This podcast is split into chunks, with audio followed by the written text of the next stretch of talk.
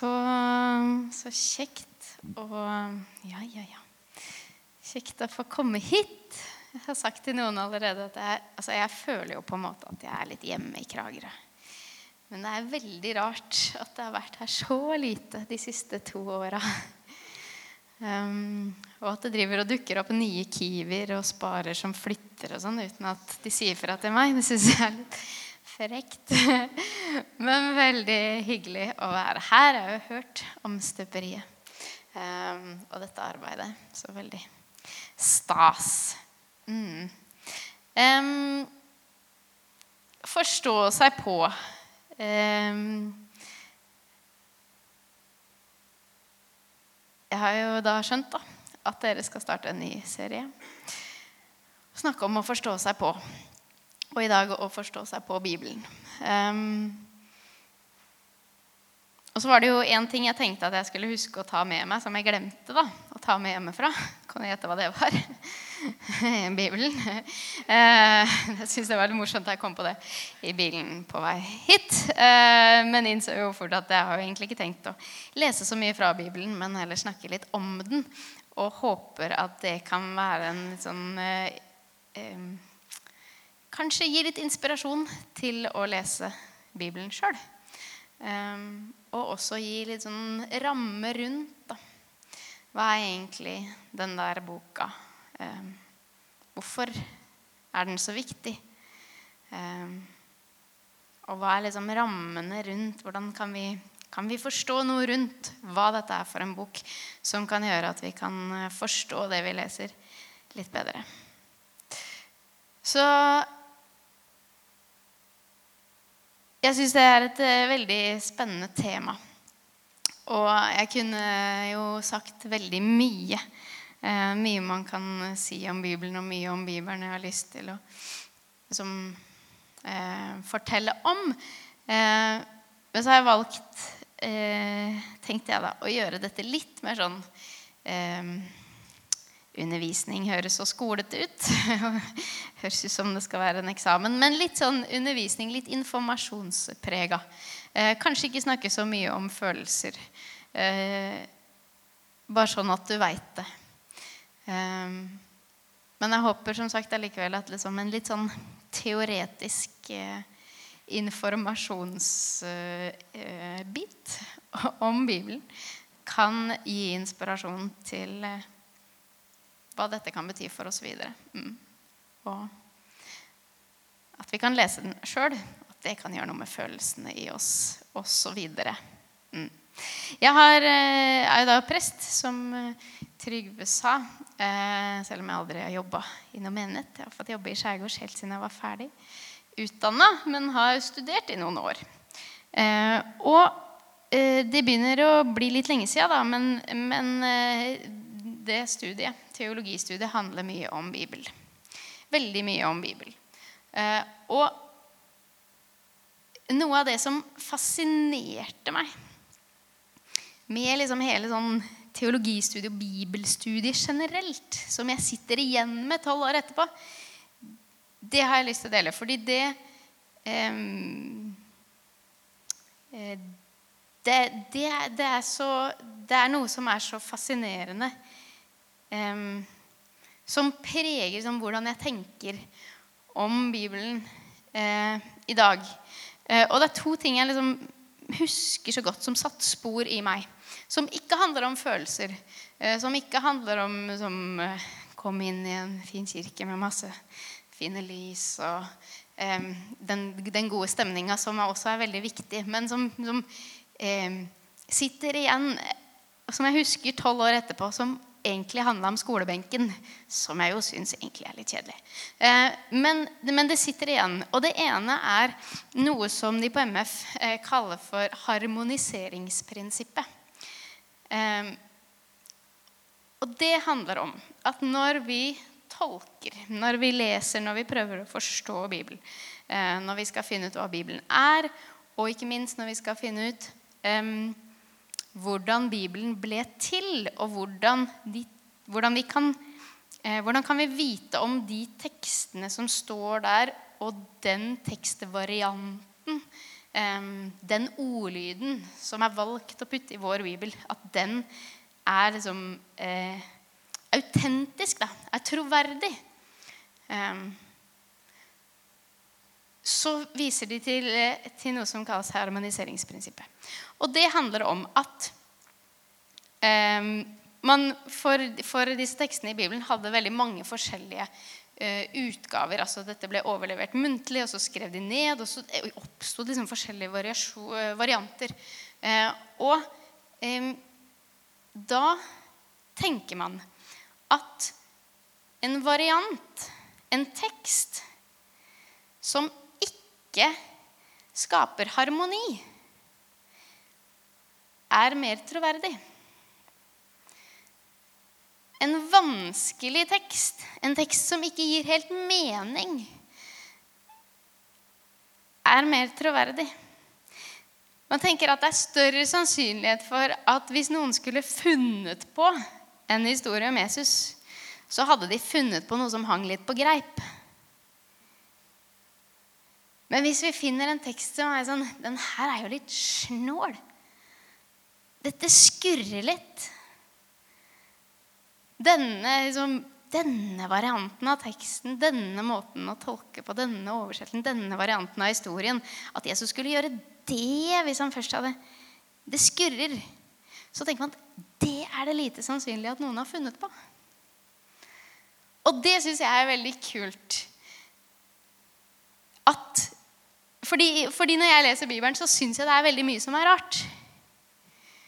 Det er ting som skurrer. Det er ting som ikke henger helt på greip. Det er liksom, Skulle du begynt å skrive en bok fra A til Å, eh, så er det en veldig dårlig bok. Det er liksom dårlig bygd opp. Det er ting som ikke henger sammen.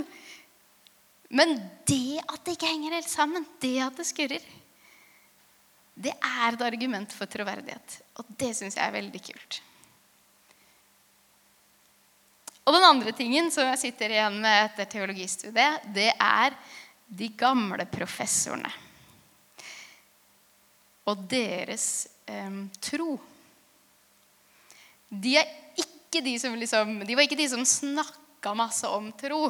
Det som, å, jeg føler så mye, og jeg tror så fint. Det tror jeg ikke går an om man Eller et eller annet sted på vei mot professor, så tror jeg sånt faller av. Eh, men det å som, få undervisning av folk, gjerne litt sånn gamle menn, som er de som kan mest Kanskje, kanskje liksom noen av de som kan mest i verden om akkurat dette lille temaet, eller akkurat den tidsperioden, akkurat den boka i Bibelen. Og, sånn.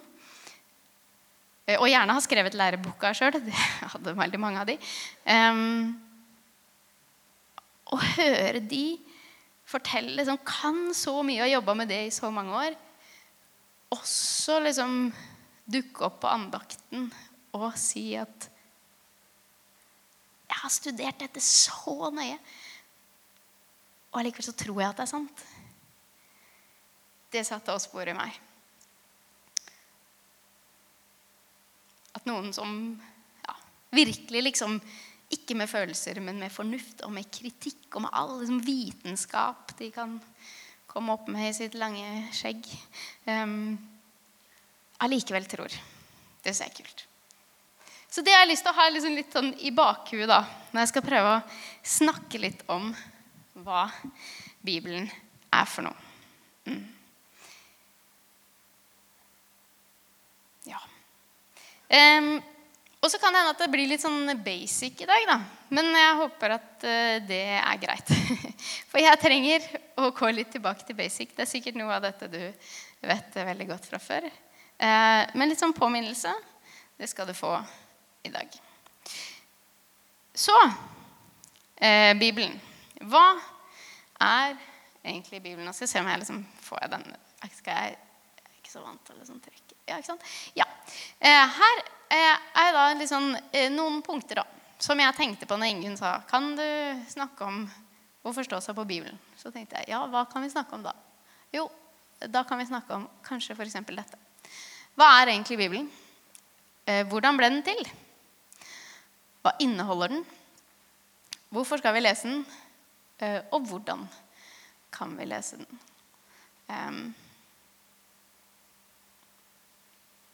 Litt om det. Ja. Hva er Bibelen? Bibelen er en svær eh, samling som vi sammen tenker på som Den kristne kirke sin hellige skrift. Det er et eh, stort bibliotek. Det er ikke bare én bok, det er mange. Er et, eh, den er et univers av ressurser for tolkning av tro og liv. Dette, den setninga har jeg ikke funnet på selv. Syns den var veldig fin. Eh, Bibelen gir som ikke bare eh, tydelige regler eller bare liksom enkeltregler. Ja, ikke bare tydelige som retningslinjer, ikke bare enkelthistorier. Men et, en skaper et univers, skaper et bilde av noe som, som blir en ressurs for tolkning av tro og liv. Og så er det utfordringa å bruke den som det, da. Eh, men ja. Mm. Eh, Bibelen er fortellingen om Jesus. Eh, det er han som er Bibelens sentrum. Særlig i Nytestamentet, men også i helheten, tenker jeg da. Den røde tråden i hele denne store boka, samlingen av alle disse bøkene, er Guds kjærlighet til menneskene og til verden. Eh, og som vi vet sikkert, så er det altså da en samling av bøker med to hoveddeler. Mm. Litt om Det gamle testamentet. Det gamle testamentet er en skrift som vi har felles med jødedommen. Den består av 39 skrifter, eller 39 bøker. Den begynner med fortellingen om skapelsen, handler så om israelsfolket, helt fra Abraham og til de siste århundrene før Jesus ble født. Det er skrifter som ble overlevert muntlig før de ble skrevet ned. De er stort sett skrevet ned på hebraisk, og de er skrevet ned ca. 700-600 år før Kristus. Og ja, det er 700 600, ikke 600 700. For man teller feil før man kommer til år null. Er det ikke morsomt? Jeg syns det er veldig gøy. Det gamle testamentet består av eh, masse forskjellige typer litteratur. Bl.a. visdomsord, fortellinger, poesi, lovtekster, salmer og sanger. Mm. Også Det nye testamentet består av 27 bøker. Er stort sett skrevet på gresk. Ble skrevet ned mellom år 40 og år 90 etter Kristus. De fleste av de mange variasjoner og mye eh, usikkerhet. Men likevel stort sett der. Eh, begynner med fire evangelier som handler om Jesus, om hans liv, død, oppstandelse og himmelfart. Så følger apostlenes gjerninger, som handler om kirkens historie i den første tida. Fra pinsedag og de første tiårene etterpå. Og så følger 21 brev eh, fra det første århundret. Det kirka, kirkens første århundre. Og en del av disse er da knytta til Paulus, selv om man jo ikke vet helt om han har skrevet alle, da. Mm.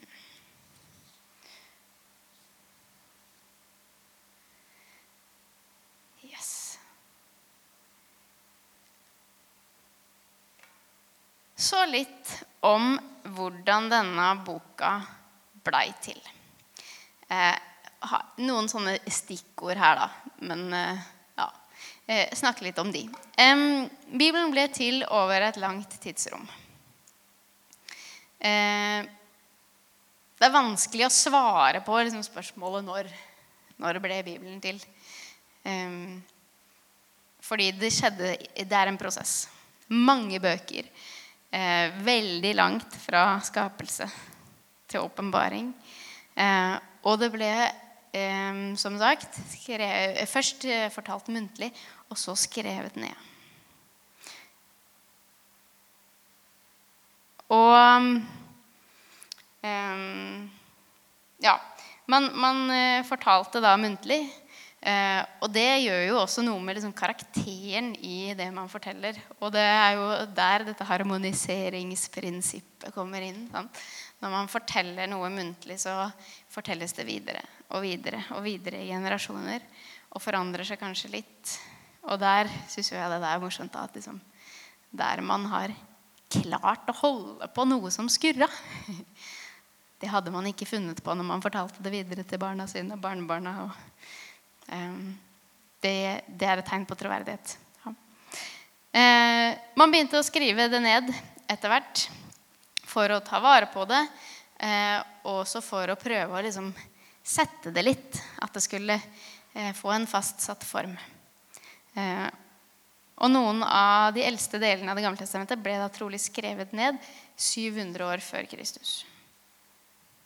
Um, og man eh, tror eh, Man har liksom tegn på at, eh, at, Jesus også kunne lese og skrive.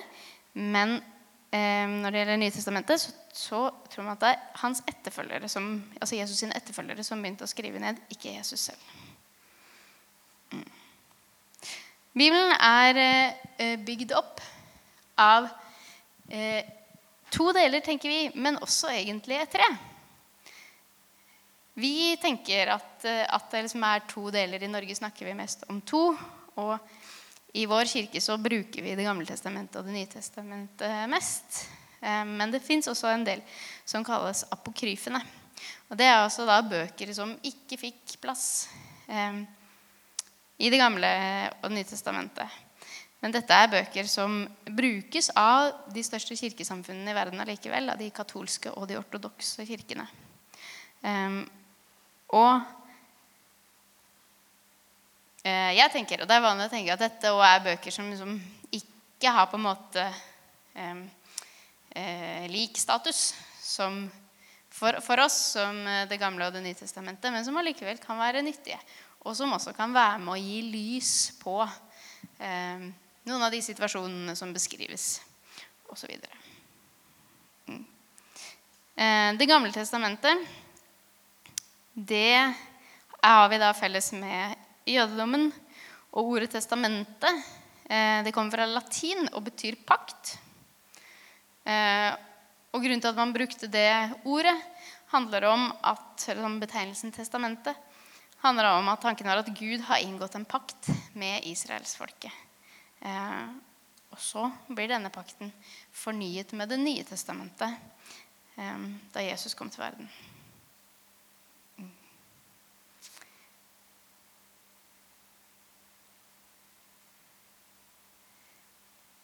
Yes. Um,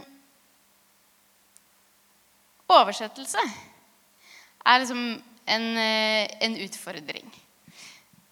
Uh, det har dere kanskje vært borti, liksom, at det fins jo mange forskjellige uh, oversettelser bare, som vi bruker bare i Norge.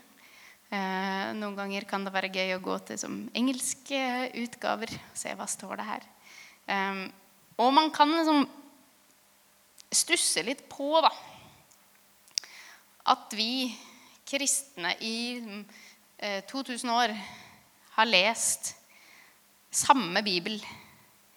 Eh, hvorfor klarer vi ikke å komme fram til like svar på, spørsmål, på liksom vanskelige spørsmål? Eh, hvorfor leser vi så forskjellig? Hvorfor tolker vi så forskjellig? Eh, og så kan man liksom tenke at det er vanskelig, og så kan man også tenke at det egentlig er litt gøy. um, men det som er viktig å vite, tenker jeg, er at eh, det meste i Bibelen er lett å oversette. Det meste er lett å forstå eh, og kan ikke tolkes. Ofte føler jeg at man kan få litt sånn inntrykk av at eh, alt i Bibelen er jo bare sånn åpent for eh, fri tolkning. Eh, men sånn er det ikke, tenker de som, de som jobber med oversettelse. Da. Det aller meste er veldig tydelig. Men så er det også en del ting som, som er litt eh, vanskelig å tolke, og som kan forstås på ulike måter. Um, og det er mange grunner til det. Um, for det første så kan det være eh, vanskelig altså Når man skal oversette, da, så er det mange grunner til at man liksom kan være i tvil og lure litt. Eh, og det kan oppstå forskjellige tolkninger. Og en, en grunn er at eh, det kan være vanskelig å forstå om man har forstått teksten riktig. Eh, Bibelen er skrevet på et eh, språk som eh, ikke er vårt, norske oversettere, sitt morsmål. og vi forstår det kanskje ikke så godt som de første som leste det. Eh, den andre grunnen er at er, eh, teksten er oversatt til mange uh, ulike språk. Og det er ikke alle språk som har alle ord, alle nyanser, noen begreper. finnes ikke. Noen språk har ikke tallord. Så ikke ord for tall. Noen har liksom, mangler veldig mange sentrale begreper. Som eh, synd og tilgivelse og sånne ting kanskje ikke fins. Ehm, og for det tredje så er, eh, blir Bibelen tolket forskjellig fordi mennesker er forskjellige. Vi har forskjellig referanseramme. Um, vi har forskjellig, en helt annen kultur, og vi setter dette inn i prøver å tolke og forstå inn i i vår kultur og vår sammenheng. Og det er ikke alltid så lett å da komme fram til samme forståelse. Mm. Litt om innhold. Hva inneholder egentlig Bibelen? Jeg har uh, uh, Ja, det, det fins uh, noen sånne veldig fine filmer på noe som, laget av noe som heter Bible Project. Er det noen som har hørt om det? Eh, et veldig kult konsept fra eh, USA som nå begynner etter hvert å komme mye på norsk. og de lager både liksom, eh, filmer om eh, konkrete bøker eller konkrete kapitler liksom, om innholdet, om historiene. Eh, men også liksom oversiktsfilmer som gir litt eh, overblikk da, på hva er dette. Eh, der fins det, det, det, det, en film om Det gamle testamentet. Foreløpig bare på engelsk. Anbefaler å se den. Men vi skal ikke se den nå. Så derfor kommer det litt her om hva inneholder egentlig Det gamle testamentet. Det gamle testamentet eh, begynner med skapelsen. Edens hage og syndefall. Der eh, syndefallet gjør at, at Gud feller dom, og at menneskene blir kastet ut av hagen og skilt fra Gud. Og resten av Bibelen er jo på en måte egentlig en fortelling om hvordan Gud prøver å gjøre dette godt igjen. Etterpå så velger Gud ut Abraham og Abraham blir far til et stort folk, som blir til israelsfolket. Eh, og mye av Det gamle testamentet handler om hvordan Gud leder dette folket. Leder de eh, eh gjennom hungersnød, leder de eh, ut fra fangenskap i Egypt, gjennom ørken. Gir de de ti bud. Han etablerer en pakt. Eh, og så forteller de historiske bøkene om hvordan israelsfolket inntar det lovede landet som Gud leder de til. Eh, og det kommer av en tid med både konger og dommere. Og denne er også preget av et folk som holder seg nær til Gud, men som også faller fra. Eh, som stadig liksom kjemper med det. Kanskje vi òg kjemper litt med. da balansen mellom å holde oss nær til Gud, og så glemmer han litt. Og så blir vi dratt tilbake. Og der kommer også masse profeter inn som advarer folket. Um, og, og, forteller dem om konsekvensene når de snur seg bort fra Gud. Og gir løfter uh, eh, knytta til fellesskapet med Gud. Og så handler det om Israels, uh, erobringen av Israel der mange av Israels folket blir tatt til fange og ført ut. Og så etter hvert kommer de tilbake. Um, ikke alle, men noen. Og så inneholder også Det gamle testamentet en del poetiske bøker eh, som gir eh, undervisning og visdom. Bønner. Det rom for eh, klage og lovsang. Mm. Og så Det nye testamentet.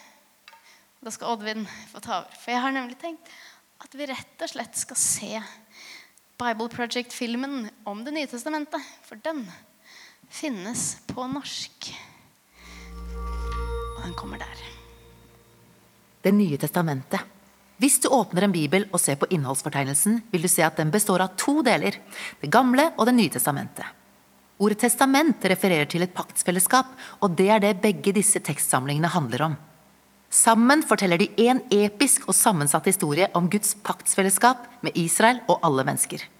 Det gamle testamentet kalles Tanak i jødisk tradisjon. Dette er en samling av 39 jødiske bøker i rullformat. Disse ble til over en periode på mer enn 1000 år. Til sammenligning ble de 27 bøkene i Det nye testamentet til i løpet av bare 30-40 år. De ble skrevet av førstegenerasjons etterfølgere av Jesus. De kristne fellesskapene begynte tidlig å samle disse tekstene og lese dem sammen med Det gamle testamentet som én samlet historie som fører til Jesus. Det nye testamentet begynner med fire fortellende bøker som til sammen blir kalt for evangeliet. De forteller historien om Jesus fra Nasaret, hans liv, død og oppstandelse, som blir forkynt som gode nyheter. De blir fulgt av en femte fortellende bok som heter Apostlenes gjerninger. I denne boka gir den oppstandende Jesus et oppdrag til apostlene, et ord som betyr utsendinger. De blir utnevnt til representanter for Jesus og skal spre de gode nyhetene om han til hele den antikke verden. Etter apostlenes gjerninger kommer det en samling av brev fra apostlene. De ble skrevet for å gi undervisning og veiledning til lokale fellesskap av Jesus-etterfølgere, også kjent som menigheter. 13 brev er knyttet til apostelen Paulus. De er ikke ordnet etter når de ble skrevet, men fra det lengste til det korteste. Så kommer hebreerbrevet, som er skrevet av en ukjent, men nær medarbeider av apostlene. Deretter kommer brevene fra Jakob og Judas, Peter og Johannes. To av dem var brødrene til Jesus, To var blant de første som fulgte han. Den siste boka i Det nye testamentet er Johannes' åpenbaring. Den er et brev til syv menigheter som åpenbarer et profetisk ord med både utfordringer og trøst til alle etterfølgerne til Jesus. Dette er bøkene i Det nye testamentet. Men hva handler de om? Og hvordan er de koblet sammen med Det gamle testamentet til én samlet historie? Du kan tenke på det på denne måten. Bibelen er én lang episk fortelling med flere deler, eller akter. Det gamle testamentet gir deg de første aktene i historien. De gir deg alt du trenger for å forstå resten av historien. De sentrale temaene og plottene har tydelige mønstre. I Det nye testamentet blir alt dette tatt videre til historiens høydepunkt i Jesus. La meg vise deg hva jeg mener. Den første akten handler om Gud og hele menneskeheten. Gud sørger for en herlig hage til menneskene. De ble skapt for å herske over verden sammen med Gud. Men menneskene er dumme, og de faller for den mørke fristelsen til å gjøre opprør mot Guds visdom. Så de sendes ut i ødemarken, hvor de begynner å drepe hverandre. De bygger byer som sprer egoisme og undertrykkelse. Alt fører fram mot den store, onde byen Babylon. Men Gud elsker verden og de dumme menneskene, så han setter i gang en redningsplan. Han lover at det skal komme et nytt menneske som skal knuse ondskapen som har lokket oss til selvutslettelse. Den neste akten av bibelhistorien handler om Gud og Israel. Og den videreutvikler temaene og mønstrene fra den første delen. Gud kaller på nytt menneskene til å dra ut fra Babylon til en herlig hage. Abraham, Sara og deres etterkommere, israelittene. Gud lover at gjennom dem skal Guds velsignelse komme til alle folk. Dette må være de nye menneskene vi venter på. Men israelittene gjentar menneskenes opprør mot Gud. De bygger sine egne byer fulle av vold, som fører til selvutslettelse og nok et eksil i Babylon. Men Gud holder fast på løftet om at det nye mennesket skal komme fra Abrahams slekt. Det skal være en prestekonge som nå må redde både Israel og alle mennesker fra Babylon for å gjenopprette Guds velsignelse over verden. Legg merke til hvordan disse to delene følger samme mønster. Del to er en lengre og mer voldsom versjon av den første, og sammen viser de hvor tragisk tilstanden er for menneskene. Men de framhever også Guds løfte, som utvikles videre i den neste delen, profetene og poetene i Det gamle testamentet. Profetene anklaget Israel og alle folk for ondskapen deres, og de kunngjorde at en dag skal Gud selv og Herrens dag komme, da Gud skal sette sin verden fri fra Babylon. Dette skal han gjøre gjennom en kongelig prest som er lovet. Han skal lide som en slave og dø for Israel og alle menneskenes synder. Men så skal han opphøyes som konge over alle folk. Han skal kalle alle til å forlate Babylon og bli med i det nye paktfolket, som sammen med Gud skal herske over et nytt Jerusalem, altså en ny skapning. Derfor ligger det i slutten av Det gamle testamentet en forventning om en ny akt i historien. Og når du blar om til Det nye testamentet, så er det den samme historien som nå fortsetter med Jesus. La oss se på hvordan det skjer. De fire evangeliene introduserer Jesus fra Nasaret. Han er både den lovede sønnen av Abraham, som skal gjenopprette Guds velsignelse over alle folk, og det nye mennesket som skal beseire det onde og gjenopprette menneskets fellesskap med Gud. Så Jesus framstilles som et menneske og som noe mer. Han gikk rundt og kunngjorde at riket som Gud hadde lovet, kom nå. Og han snakket og handlet som om han var Israels guddommelige konge.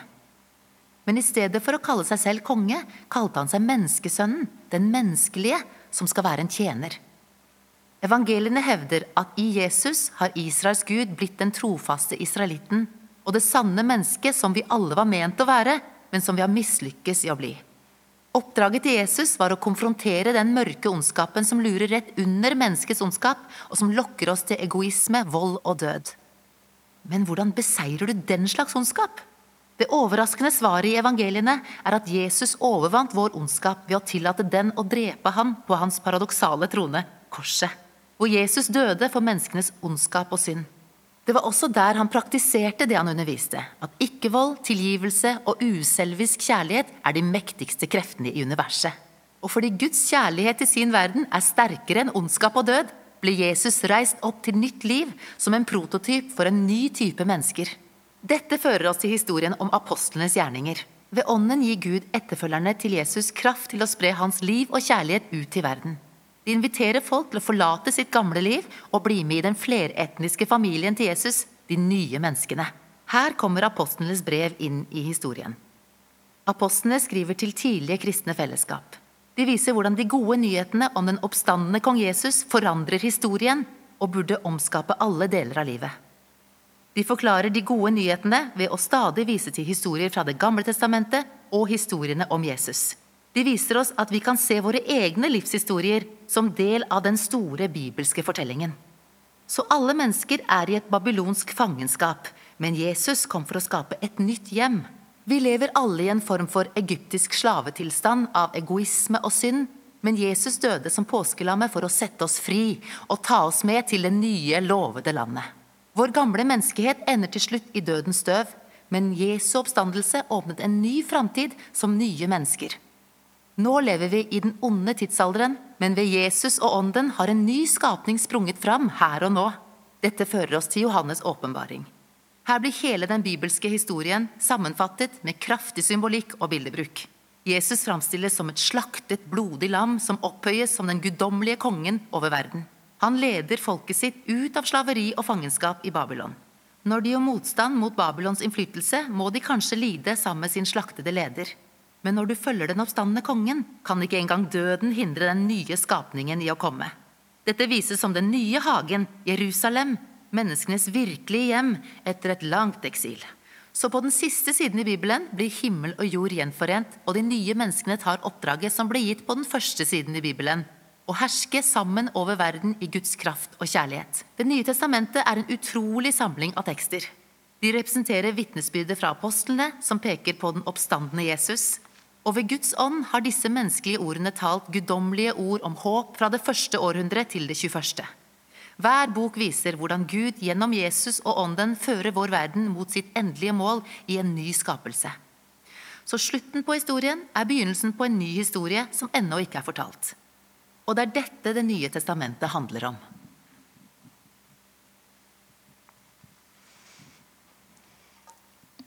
Jeg syns de er gode på å gi uh, overblikk og snakke fort. Uh, det hjelper når det er på norsk. Det er slitsomt på engelsk.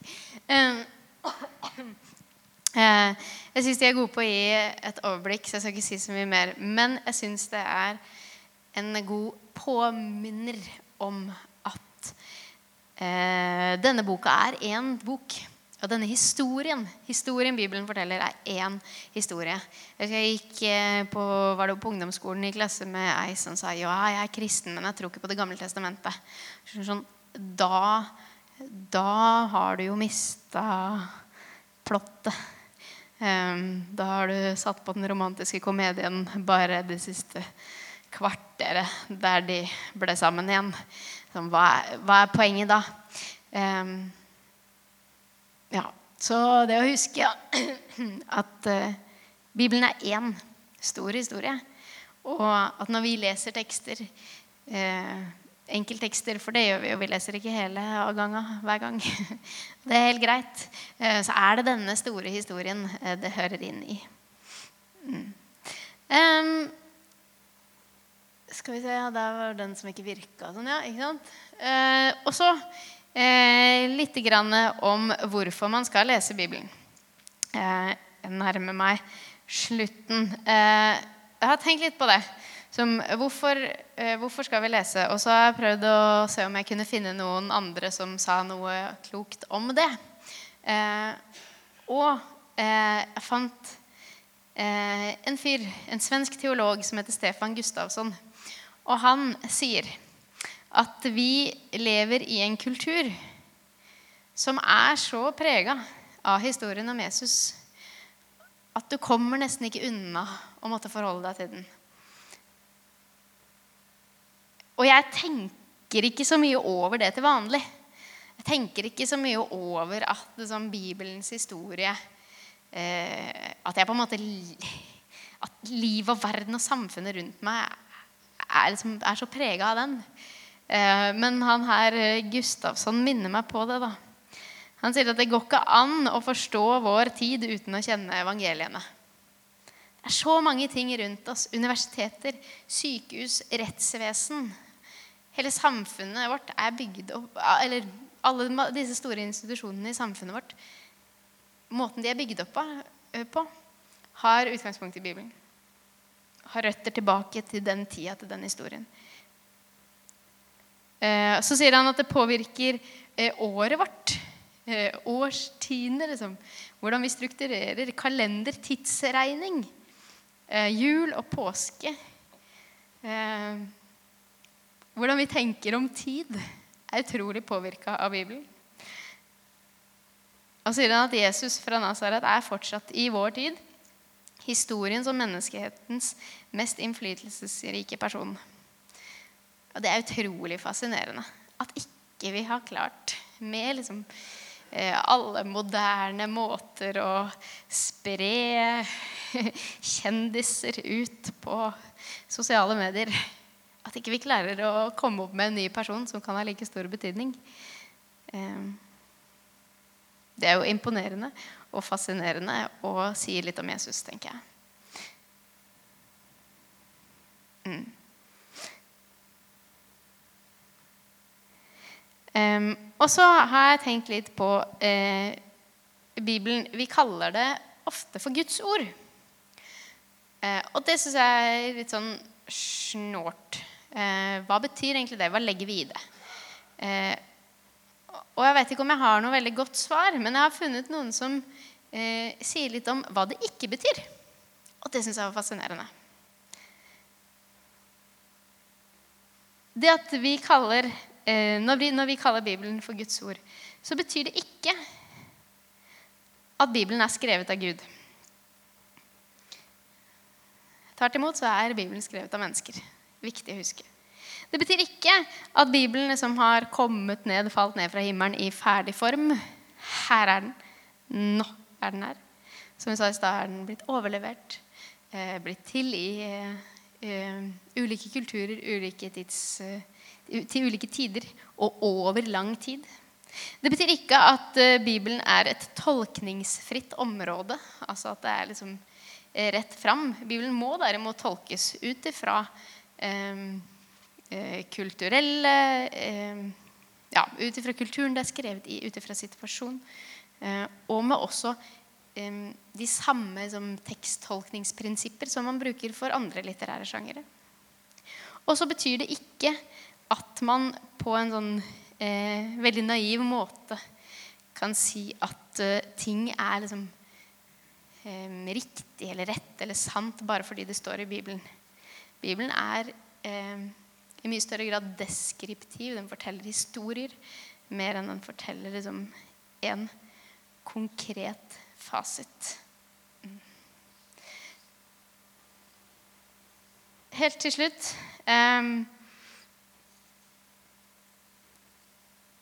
Skal vi se Nei, to ting til. Eh, eh, hvorfor skal vi lese Bibelen? Et par punkter om det. Eh, den lærer oss om Gud. Forteller mye om hvem Gud er, og hva han gjør. Det er næring. Det står i Bibelen at uh, vi lever av hvert ord som kommer fra Guds munn. Og så kan man jo tolke det på mange måter, men tenker det, det, Bibelen gir noe. Den gir noe næring til hvordan vi eh, Til både liksom konkret hvordan vi lever livene våre, men òg til liksom sjela vår, tenker jeg. Historien om Jesus gjør noe med oss, gir oss næring. Eh, og så gir den dømmekraft, forteller noe om hva som er rett og galt, hjelper til å ta avgjørelser. Og så er den full av Guds løfter håp for framtida. Helt til slutt eh, hvordan kan jeg lese Bibelen? Eh, dette skal du få finne ut av sjøl, holdt jeg på å si. eh, men noen sånne små tips da. kan være eh, begynn med et av evangeliene. Bruk en bibelleseplan. Og ikke minst, sjekk ut The Bible Project. Nå er det eh, Bibelselskapet i Norge som liksom har tatt over litt eh, administrering og distribusjon av de norske filmene. Etter at det har vært mange organisasjoner, bl.a. oss i Skjærgårds, som har vært med liksom jobba litt på for å få disse filmene på norsk. Og det kommer stadig flere. Så på bibel.no så ligger det altså stadig flere sånne filmer. Så bruk de.